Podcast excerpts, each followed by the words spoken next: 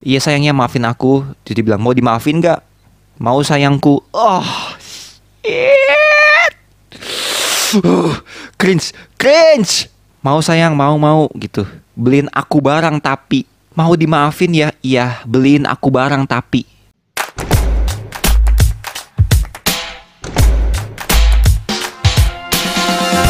What up Sobat PA, this is your boy again, Eduardo Adam. Welcome back to my podcast. Podcast Eduardo Adam, semua bisa diomongin. Yes, bener banget. Di episode kali ini gua mau ngomongin banyak hal Tapi kayaknya nggak jauh-jauh banget.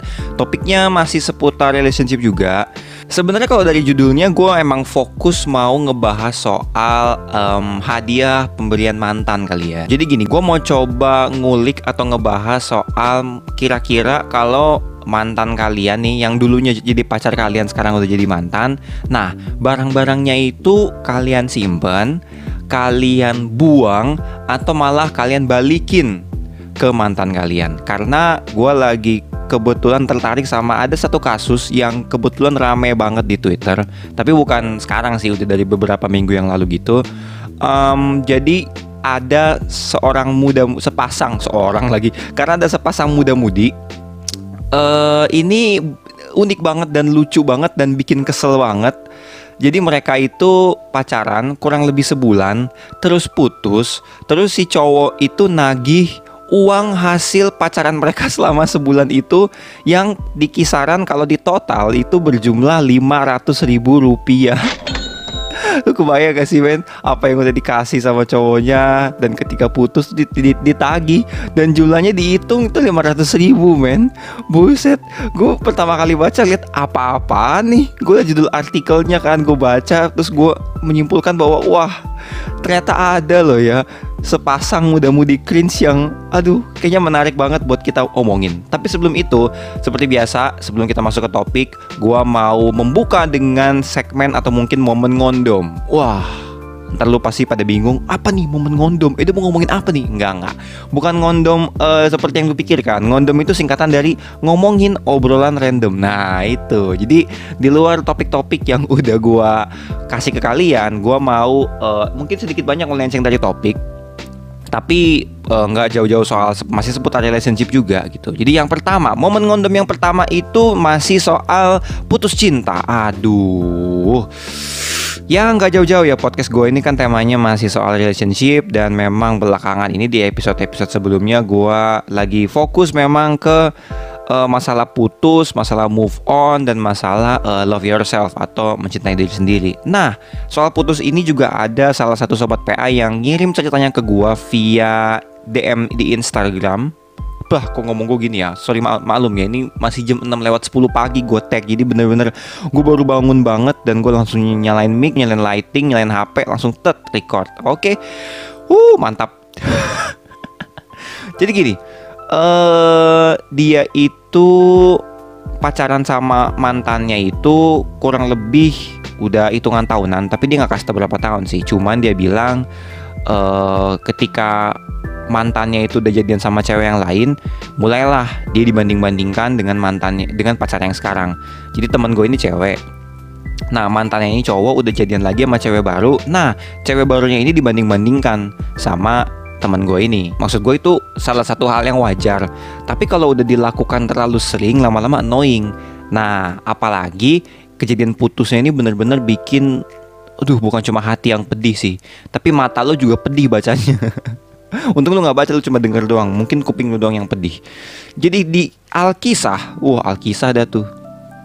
Jadi gini, dia memulai cerita dengan dia mau menyembuhkan luka dari mantan terakhir itu lama kayak sekitar Juni 2018 sampai Februari 2019. Berarti kurang lebih sekitar Juli, Agustus, September, Oktober, November, Desember, Januari, Februari. Oh, kurang lebih 8 bulan, cuy.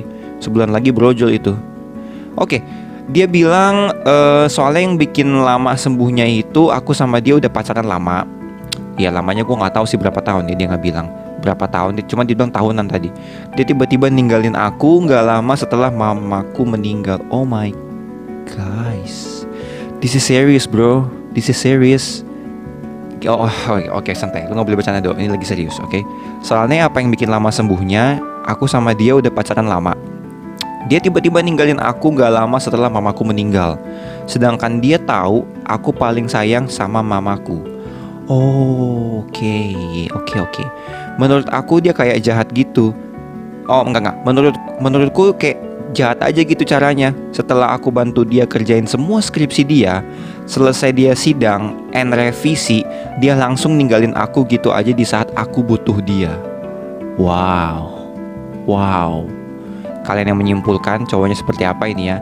Akhirnya aku kerjain semua skripsiku sendirian Dan dibantu teman-temanku aja tanpa dia. Tapi dari situ aku bangga kok sama diriku sendiri. Aku bisa semua Aku bisa ngelaluin semua proses ini tanpa dia. Aku bangga Aku tahu kalau aku sekuat itu Dan tahu siapa teman-temanku yang bener-bener ikhlas sama aku. Selain dia, aku masih punya banyak banget orang-orang yang sayang dan care sama aku. The best lu. Yang gue nggak bisa sebutin namanya. Gue akan kasih tahu lagi bahwa lu the best. Di momen ketika lu udah sembuh lu bisa menyadari bahwa lu itu kuat lu itu nggak tergantung sama pasangan lo atau cowok lo dalam kasus ini dan lu bisa bangkit. Dan lu sekarang yang gue tahu lu udah punya pasangan baru lagi selamat buat lu. Uh, tapi melihat dari kisahnya sih gila. Tragis sih tragis. Tragis bener. Ketika nyokapnya meninggal dan dia ngebantuin uh, ya dalam tanda petik nih ngebucin juga sih. Cuman sebenarnya bucin itu bucin itu ada dalam tahap wajar juga sih. Maksudnya ngebantuin skripsi kan. Udah gitu pas selesai sidang cowoknya ninggalin di ninggalin dia. Itu sih jahat banget sih men. Dulu uh, buat cowok-cowok di luar sana ya yang mendengarkan podcast gua atau mungkin yang nonton lewat YouTube please lah jangan jadi cowok kayak gini sebelum lu ngambil keputusan lu pikir dulu apa yang udah diberikan pasangan lu ke lu ya. Apalagi di situasi kayak gini. Itu sih jahat banget sih. Oke momen ngondom berikutnya adalah ini soal move on. Oke jadi belakangan gue lagi ngecek-ngecek Instagram dan kebetulan ke link ke Twitter. Jadi kebetulan lagi ngomongin soal move on. Dan ada satu hal yang menurut gue menarik buat kita uh, telaah atau kita pikir-pikir lagi. Atau kalau bagi lu nggak menarik untuk lu pikirin seenggaknya lu dengerin lah ya agak bangsa gitu gue ngomongnya jadi gini ada yang bilang bukan ada yang bilang sih jadi ada salah satu akun Twitter dibilang kalau kata psikolog gue kurang tepat sih kalau dibilang time heals everything It's not time that heals your pain, it's processing it in the correct way and transforming it into something neutral.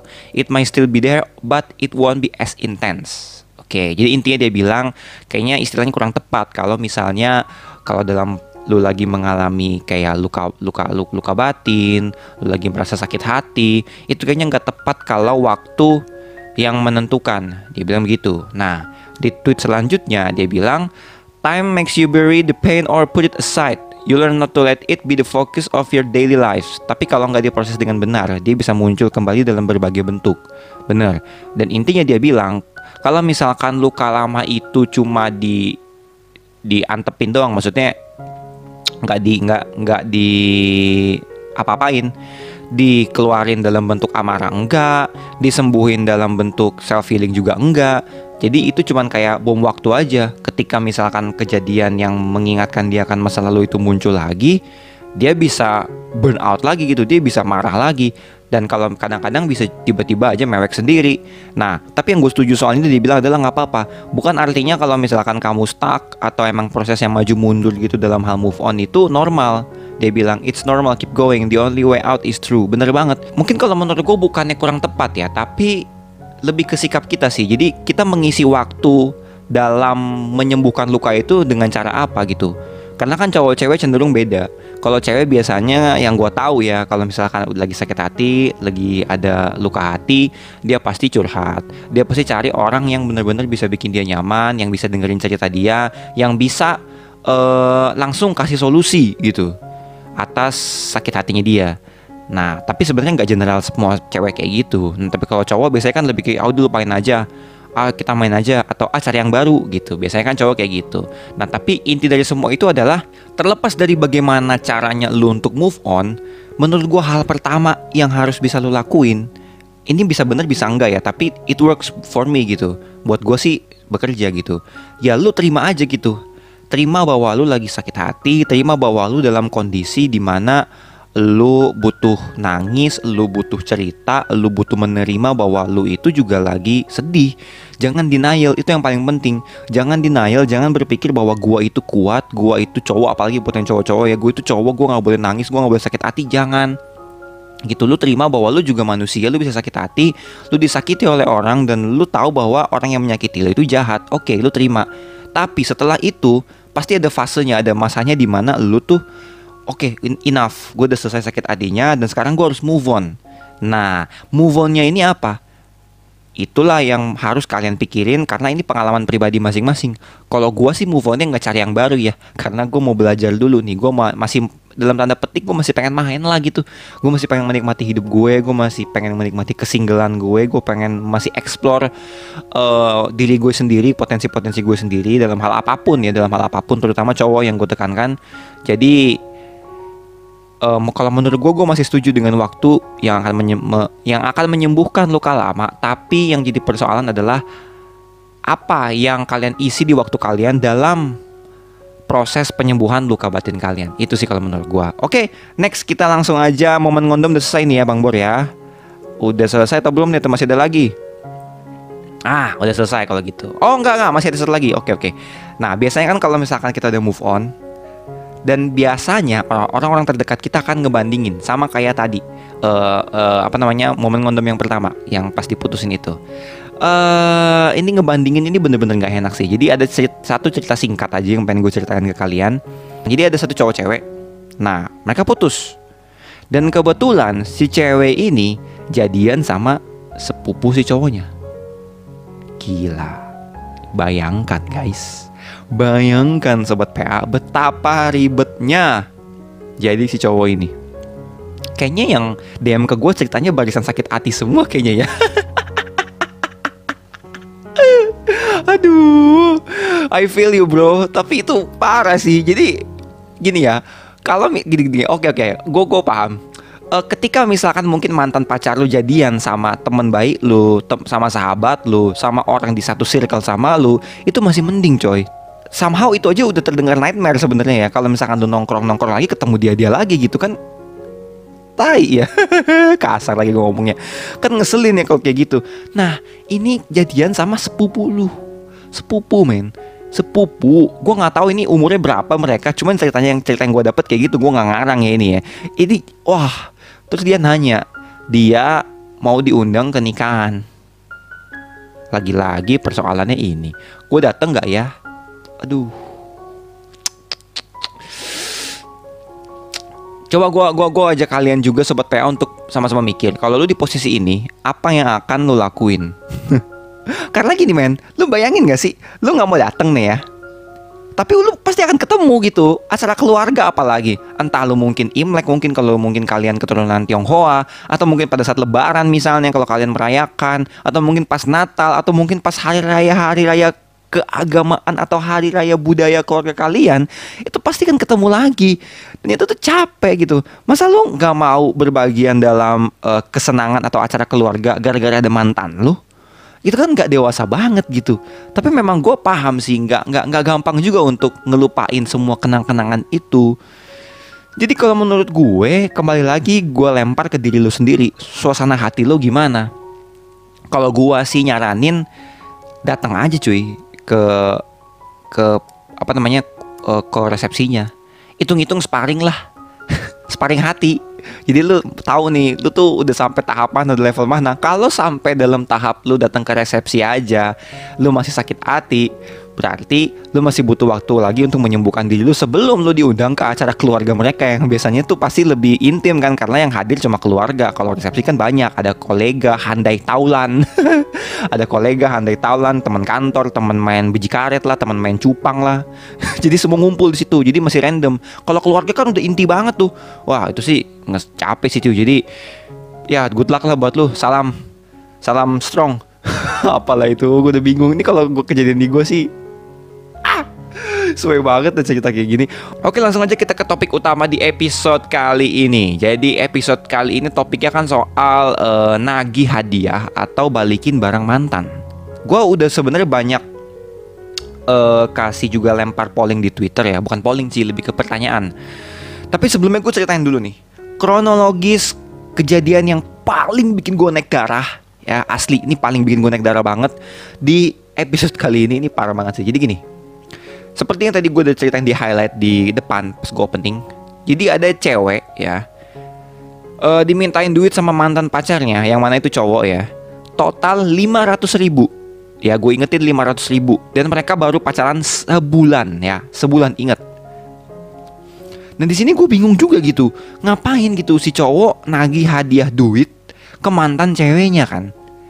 Jadi tuh uang-uang hasil apa yang semua dia berikan ke ceweknya itu diakumulasi total 500 ribu dia tagih ke ceweknya dan dan mungkin buat lu yang nggak tahu atau mungkin yang membayangkan bahwa oh mungkin uh, pemberiannya itu berupa mungkin baju, celana, jaket, sepatu, barang-barang tuh yang istilahnya kayak hadiahable.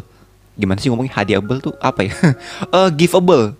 Iya, giveable ya, yang sabun, nggak bukan. ya yang hadiah yang yang giveable gitu bukan produk-produk yang habis dimakan.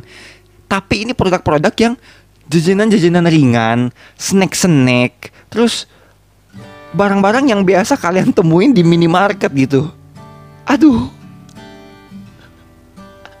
Gue nggak ngerti gitu ini kenapa? Ada, ada aduh cringe banget sih lo. Oke oke tenang do. Jadi gue jelasin dulu ya. Gue di posisi ini pertama ketika gue baca kisah mereka ya gue kasihan sama si ceweknya jujur gue kasihan karena ya ampun udah pacarannya baru sebulan juga. Udah gitu cowoknya hitung hitungan banget nggak ikhlas. Tuh si cewek bilang pacaran sama cowok nggak ikhlas. Dan bener di statusnya ini si cewek bilang kalau ngasih apa apa nggak ikhlas mending gak usah sekalian. Setuju banget. 100% agree. Setuju banget. Eh ternyata guys gue nemu postingan selanjutnya yang menyatakan bahwa si cowoknya dulu pas pacaran tuh jadi ATM berjalan men ATM berjalan cuy. Jadi ditagi-tagi sama si ceweknya. Dan cara nagihnya itu tuh Aduh Bener-bener udah kayak princess dari negeri mana gitu. Tengil banget cara nagihnya Aduh Dan lagian gue bingung. Baru sebulan Cowoknya rela aja gitu dipelorotin Eh dipelorotin Edo nih mulai-mulai main udah main pelorot-pelorotin aja. Enggak bukan dipelorotin itu mah celana. Uh, Ini diporotin Diporotin. Nggak pakai L ya Diporotin. Jadi di digaruk lah itu duitnya ya, yang yang berjumlah 500 ribu. Sebulannya 500 ribu cuy. Gila bayangin kalau setahun berapa itu? Dan itu nggak tanggung tanggung cuy. Tadi gue udah bilang barangnya itu ribet. Dah nih gue kasih tau ya. Lidi pedes lah. Dan bukan cuma satu men. Tiga. Dia lagi lidi pedes tau lidi pedes tau. Buat lu yang mungkin milenial yang nggak tahu lidi pedes ya lidi pedes tuh semacam lidi ya. Yeah. bukan buat yang buat nyapu jalan atau buat nyapu kotoran kucing bukan. Jadi lidi ini benar lidi ya dari tepung. Dikasih bumbu-bumbu pewarna tekstil ya yang kalau makan itu bumbu-bumbu itu udah di pinggir mulut lu. Terus lu jilat itu the best banget rasanya coy. The best moment of your life ketika SD makan lidi pedes dan lu ngejilat bumbu-bumbunya. Hmm. Hmm IQ lu berkurang 10 kayaknya tiap kali lu makan satu bungkus lidi pedes kayaknya ya. Udah gitu apa lagi? Ada lagi rumput laut men. Rumput laut rumput laut lagi. Rumput laut yang segala merek. Mereknya mama suka pembalut poki dan yang paling unik adalah cat rambut. Udah gitu catnya tuh bukan CAT, bukan cat-cat gitu, CHAT. Cat rambut. Lu ngobrol sama rambut, ha? Uh, kesel banget gue baca chatnya. Nih nih, kalau kalau lu nggak percaya gue kasih tahu betapa dramanya dan keselnya gue baca chat ini, oke? Okay? Nih lu lihat. Oke, kita mulai dari chat yang pertama. Dia bilang gini, aduh, ini keren sih. B, besok beliin rumput laut, oke? Okay? Yang pedas dua Oke, okay, nggak ada masalah macet ini sebenarnya, cuman depannya itu loh B. Dia manggil cowoknya B. Udah gitu BY. Ah, oh, tepat cara nama lebah apa gimana sih?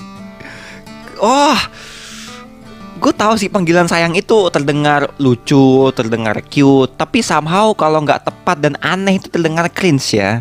Tapi positif, positif. Mungkin uh, dia manggil cowoknya B, mungkin nama cowoknya Abi kita nggak tahu. Mungkin cowok nama cowoknya Abi. Abi Manyu Abi Bayu Abi Sudarsono atau Abi Kumalasari nggak tahu. Itu mbak Barbie. Eh bisa aja bisa aja namanya Barbie. BY bedanya nih Barbinya pakai BY B A R B Y. Kumalasari. Kita nggak tahu. Oke jadi positif. Jangan katain dia cringe. Oke oke do lanjut. Oke B besok beliin oh, beli lin lagi. B besok beliin rumput laut. Oke yang pedes dua rumput laut yang mama suka kata cowoknya. Yang kecil-kecil oke. Okay? ya udah besok pagi sekalian ngueng kita ke Indomaret. Ah ngueng oh ngueng maksudnya cus gitu. Maksudnya langsung jalan kita ke Indomaret. Untung nggak ditambahin W lagi depannya ya. Iya sama yang gede. Nggak mau ah kamu aja. Di cowoknya bilang ya nggak bisa sekalian jalan-jalan dong. Galak banget. Galak banget. Soalnya ada ayah kata ceweknya. Oh lu backstreet itu maksudnya oh jadi baru pacaran sebulan. Nagi-naginya gitu. Udah gitu gayanya gitu. Backstreet pula. Ya ampun neng tobat neng. Kasihan. Aduh ini udah tersebar loh neng kisah anda. Ini bukan gue nyebarin ya. Udah ramai di twitter dari beberapa minggu yang lalu. Oke. Udah gitu nih next. Ada satu momen lagi di mana mereka berantem ya ini klasik banget. Dan untung gue udah terbebas dari ini oke? Okay? udah lepas rantai gue jadi udah nggak usah ribet lagi dengan drama-drama nggak jelas gini. Jadi cowoknya chat gini udah ya jangan marah lagi ya sama aku. Uh tapi besok ke Indomaret titik tanda seru. Nah ini nggak konsisten nih cewek. Dia bilang gini tapi besok ke Indomaret titik. Begitu tanda seru. Men lu tau nggak kalau titik itu titik? Tanda seru tanda seru.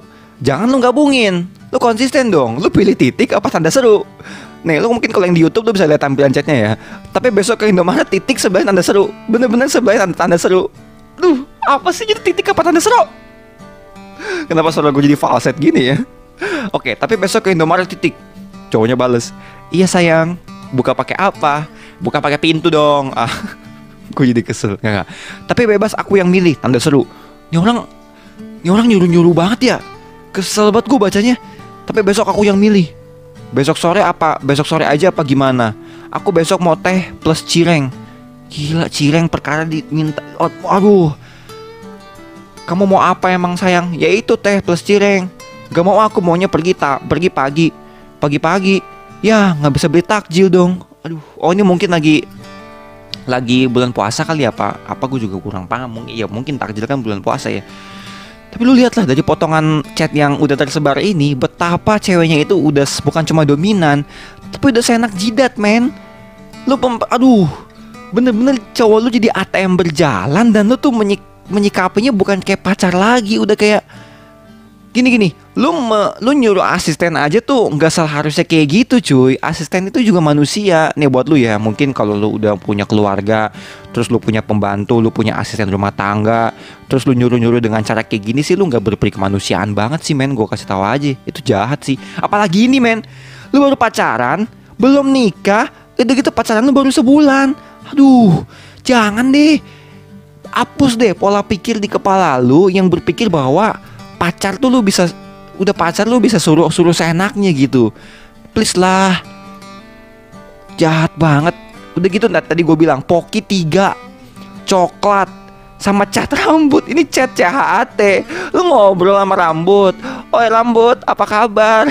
Beliin aku ini dong poki. Udah ngetik salah. Songong pula. Karena nggak mungkin dia typo. Ini gue kasih tahu ya chat itu C C A T itu jauh dengan H. Ya, kalau misalkan yang berdekatan dengan H itu huruf T. Jadi kemungkinan kalau lu mau typo itu mungkin C A T H. Chat gitu, bukan chat. Oke? Okay? Itu udah aneh gitu. Lu mau apa sih sok gaul atau gimana gitu lu. Ditanya di ajakin cowoknya beli takjil dia nggak mau, nggak mood sore tanda seru lagi. Ini baru setengah cerita loh, gengs. Parah banget. Parah banget Begitu cowoknya ngebucin, iya sayang besok ya. Huh kamu, aku pengen cari bukaan bareng padahal. Terus kasih emot sedih. Mager. Cowoknya bales, kangen aku tuh. Pagi aja deh, kalau nggak mau nggak apa-apa. Buset, buset, buset. Jadi si cringe ngeselin tingkat tingkat langit langit mana ini? Huh. Marah beneran gue ini loh. Ah, kesel banget gue seenaknya gitu. Maksudnya kan gue kan sebagai cowok juga ngerti lalu kalau harga harga diri lu tuh diinjek injek kayak gini lu gimana sih? Kesel anjrit. Wah tenang. Ini masih setengah jalan. Kita lanjutin dulu ya. Oke minum dulu kalinya biar santai. Minum dulu minum dulu. Right lanjut gak nih? Lanjut ya. Terus ada satu momen di mana cowoknya ngechat. Kangen banget sama kamu. Uh, kenapa sih harus ada hu-hu-nya gitu? Maksudnya menunjukkan bahwa lu tuh dalam kondisi yang desperate banget kali ya. Kangen banget aku tuh gitu. Terus tau gak ceweknya balas apa? Bomat. Gila. Bomat. Bodoh amat. Jangan gitu sayang kata cowoknya. Hmm. Oh ini kayak gue lagi main itu tau gak lo? Main kode keras cewek. Itu ngeselin banget cuy. Dan ini di dunia nyata ada. Ya sayang ya. Ketemuan yuk gitu. Mau dimaafin gak ini ini udah momen-momen paling puncak the klimaks yang paling kesel paling cringe yang pernah gue baca. Nih lu siap persiapkan diri anda ya. Iya sayangnya maafin aku. Jadi bilang mau dimaafin gak mau sayangku. Oh shit. Uh, cringe cringe. Mau sayang mau mau gitu. Beliin aku barang tapi. Mau dimaafin ya? Iya beliin aku barang tapi Gah, kesel banget gue beliin aku barang. Dan lu tahu apa yang dia minta? Lip cream. Ya lip cream nih ya. Lip cream man. Lip move. Lip lip lip mousse. Apa ini pokoknya. Ini Wardah color fit velvet. Color fit velvet mate matte lip mousse. Harganya 49 setengah sampai 53 500 dia minta itu. Dibeliin dulu. Lu pikir dong. Kurang seenak jidat apa ini cewek? Untung nggak tahu namanya ya.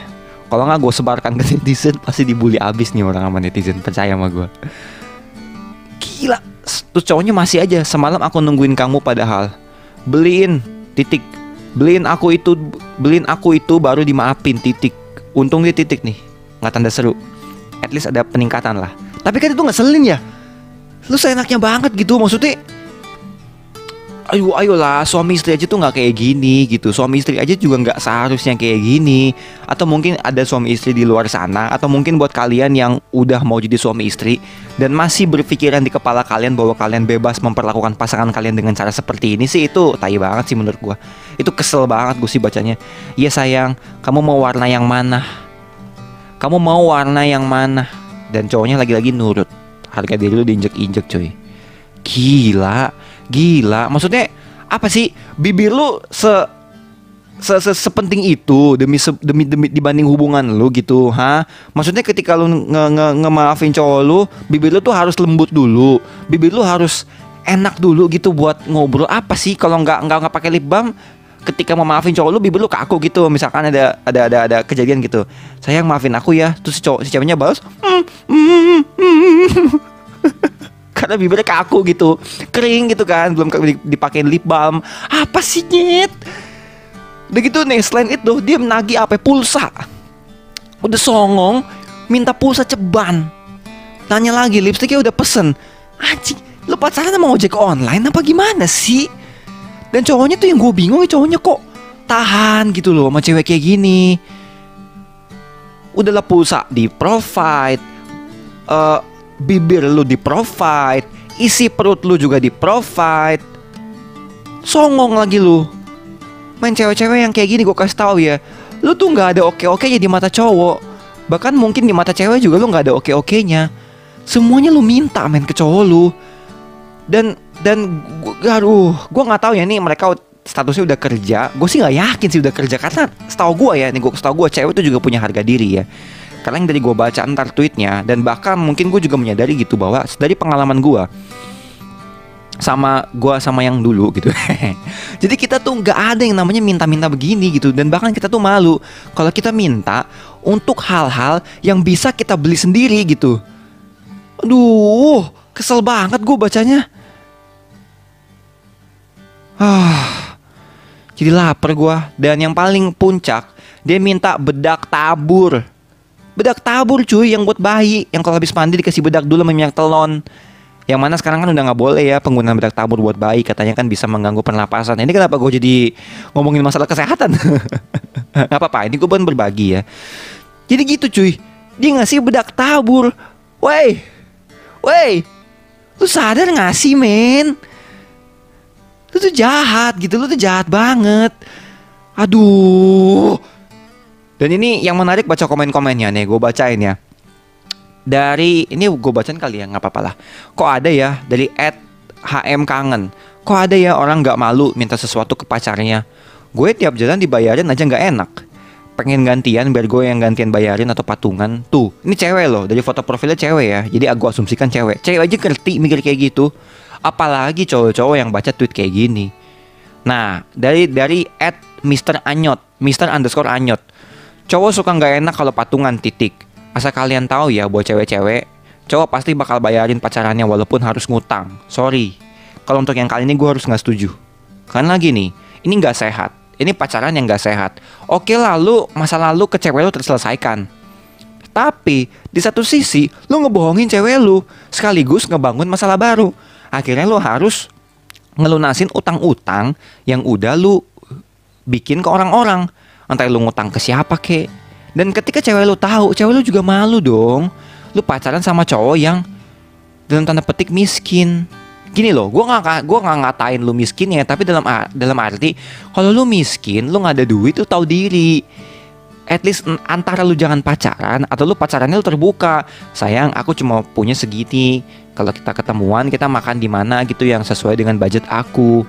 Atau mungkin kita patungan biar kita bisa uh, pacaran di tempat yang lebih enak gitu misalnya. Itu kan bisa diomongin dan kalau pacaran itu kan setahu gue momennya gitu. Ya kalau duit lah sembari bangun, sembari jalan, kita cari bareng-bareng masih ada juga beberapa pasangan yang kayak gitu, which is good. Gue malah setuju dengan yang kayak gitu. Cuman kalau menurut dia sampai ngutang sih jangan ya. Jangan, jangan, jangan, jangan. Ya jangan ditiru. Ada lagi dari Ed Segar Triple R. Dulu aku punya mantan tidak seperti itu. Tidaknya itu bukan T I D A K ya, tapi T Y D A C. Thai Dutch. Dulu aku punya mantan Thai Dutch seperti itu, titik. Apaan sih? Sekalinya bisa patungan mah, ya udah ayo patungan. Nah, ini asik nih cuy, asik. Jadi ketika patungan ya oke. Okay. Ketika memang gua traktir juga oke. Okay. Ada lagi dari at Unreal Stranger. Si cowok juga salah. Pacaran kok sama begal aja.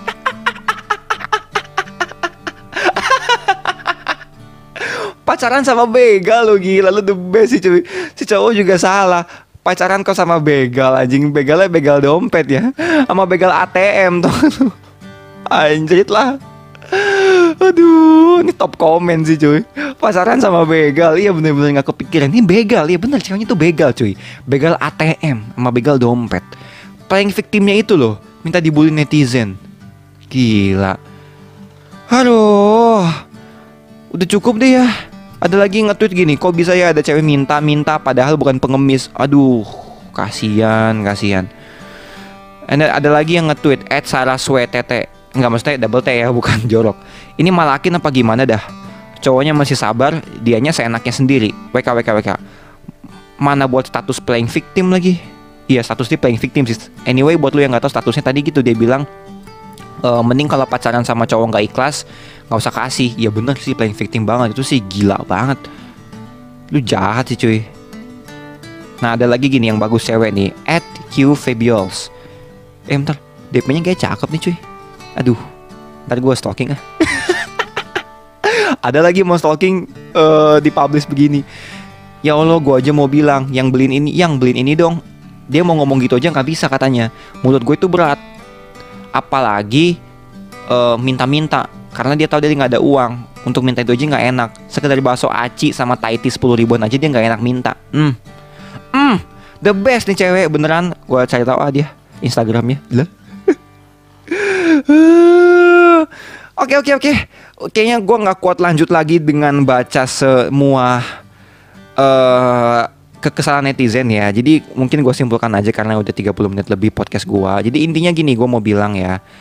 Intinya gini sebenarnya ketika lu pacaran jangan seenaknya ketika lu pacaran lu tahu bahwa ini statusnya masih pacar gini loh jangan lu nge-request atau gini gini sesekali nge-request boleh tapi ketika lu nggak dikasih atau ketika lu nggak dapat apa yang lu mau ya lu jangan sakit hati dan dan sebagai cowok sebagai pasangan juga terbuka apa yang bikin lu nggak mau memenuhi keinginan cewek lu semuanya diomongin semua itu by omongan karena gue udah bilang ketika lu marah ngomong, ketika lu suka ngomong, ketika udah lagi ada masalah apa ngomong, jadi pasangan tuh tahu.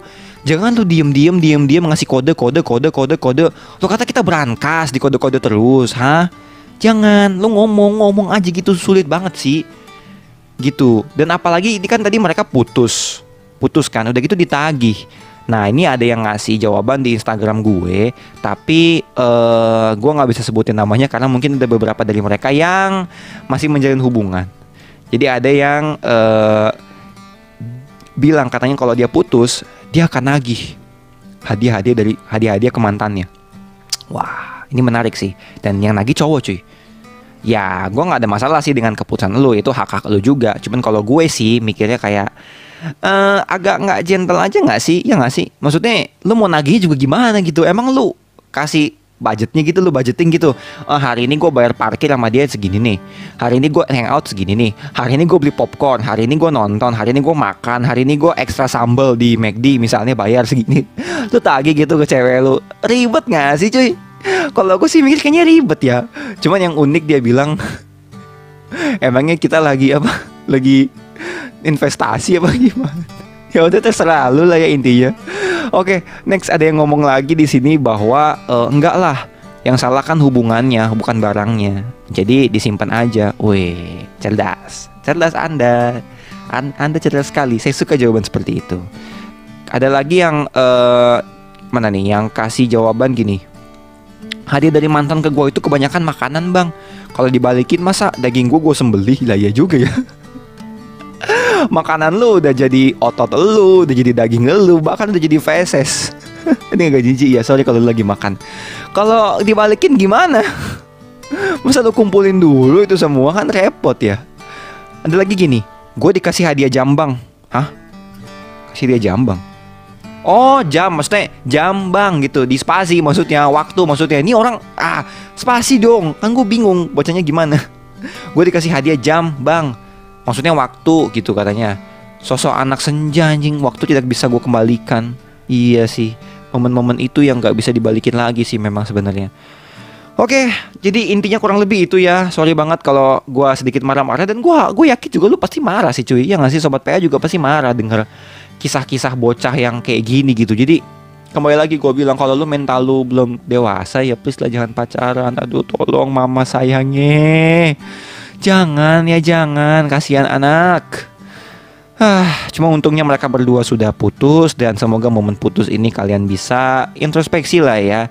Atau mungkin jangan-jangan si cowoknya ini investasi kali ya. Bener kata teman gue yang cowok itu dia investasi kayaknya. Dia kasih banyak ke cewek-cewek terus dia balikin. Atau mungkin dia balikin dibungain juga jadi total mungkin 500 ribu dibungain jadi 750 Dibungain jadi cetiau kan bisa aja ya. Ya boleh bisa juga sih cuy. Itu bisnis yang bagus. Atau mungkin ceweknya tipe cewek yang Eh tipe cowok yang loyal Yang loyal. Eh, Yang loyal apa royal sih? Yang royal Royal. Apa aja dikasih. Gue mau cuy. Cuy cowoknya mana sih cuy? Gue mau dong. Gue lagi pengen drone Gue lagi pengen GoPro Sama gue lagi pengen tripod baru yang lebih kuat gitu.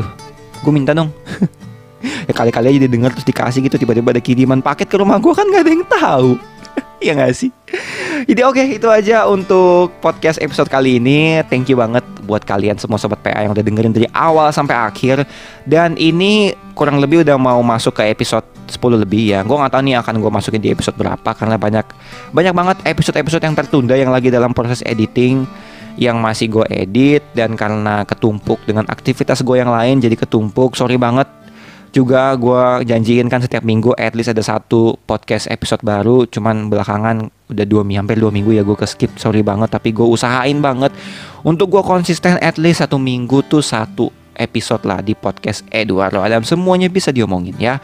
Jadi oke okay, itu aja. Thank you buat lo yang udah dengerin. Thank you juga buat lo yang udah ngikutin podcast gue dari awal sampai sekarang. Buat lo juga jangan lupa untuk follow podcast gue di Spotify Linknya gue kasih di deskripsi di YouTube buat lo yang nonton dari YouTube. Thank you banget. Jangan lupa buat lo yang tertarik dengan gue ngomong-ngomong, gue cuap-cuap kayak gini. Thank you. Jangan lupa subscribe. Jangan lupa juga nyalain tombol lonceng notifikasinya. Jadi ketika gue ngupload video, apa pun itu ya, lu udah akan dapat notifikasi jadi lu bisa nonton. Oke, okay? itu aja untuk video gue kali ini. Thank you so much. Gue Eduardo Ram signing off. Gue pamit dari podcast gue, podcast Eduardo Adam. Remember, we only live once, so spread the love and stay positive. Bye bye.